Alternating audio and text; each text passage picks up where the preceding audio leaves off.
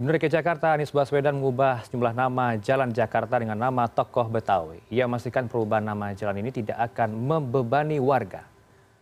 Gubernur DKI Jakarta Anies Baswedan telah berkoordinasi dengan Korps Lalu Lintas Kepolisian Negara Republik Indonesia, kemudian kantor wilayah BPN Provinsi DKI Jakarta dan Jasa Raharja agar mempermudah dalam perubahan administrasi warga yang terkendala atau terkena dampak dari nama jalan yang berubah di Jakarta.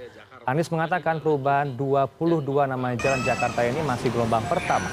Warga tidak diwajibkan mengganti dokumen kependudukan seperti KTP, kartu keluarga, dokumen tanah, serta dokumen kendaraan bermotor apabila semuanya masih dalam masa berlaku. Anies memastikan perubahan nama ini tidak akan merepotkan warga. Pergantian dokumen kependudukan akan dilakukan secara proaktif oleh Dukcapil. bahwa semua perubahan itu insya Allah tidak membebani baik biaya maupun yang lain. Perubahan itu semua yang masih tercatat tetap berlaku dan sambil jalan nanti bertahap dilakukan perubahan. Jadi misalnya kependudukan ketika mengurus KTP baru maka bisa berganti dengan nama jalan yang baru.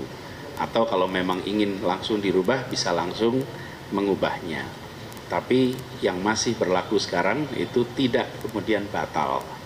Dan Kepala Kantor Wilayah BPN Provinsi DKI Jakarta Dwi Budi Martono memastikan perubahan nama jalan ini tidak akan mempengaruhi administrasi pertanahan dari warga yang terdampak perubahan nama jalan di Jakarta. Hal senada juga disampaikan Kepala Kops Lalu Lintas Kepolisian Negara Republik Indonesia Inspektur Jenderal Firman Santiabudi pada Senin siang. Menurut Mir Firman, warga yang akan mengurus perubahan nama jalan di STNK tidak akan dikenakan biaya.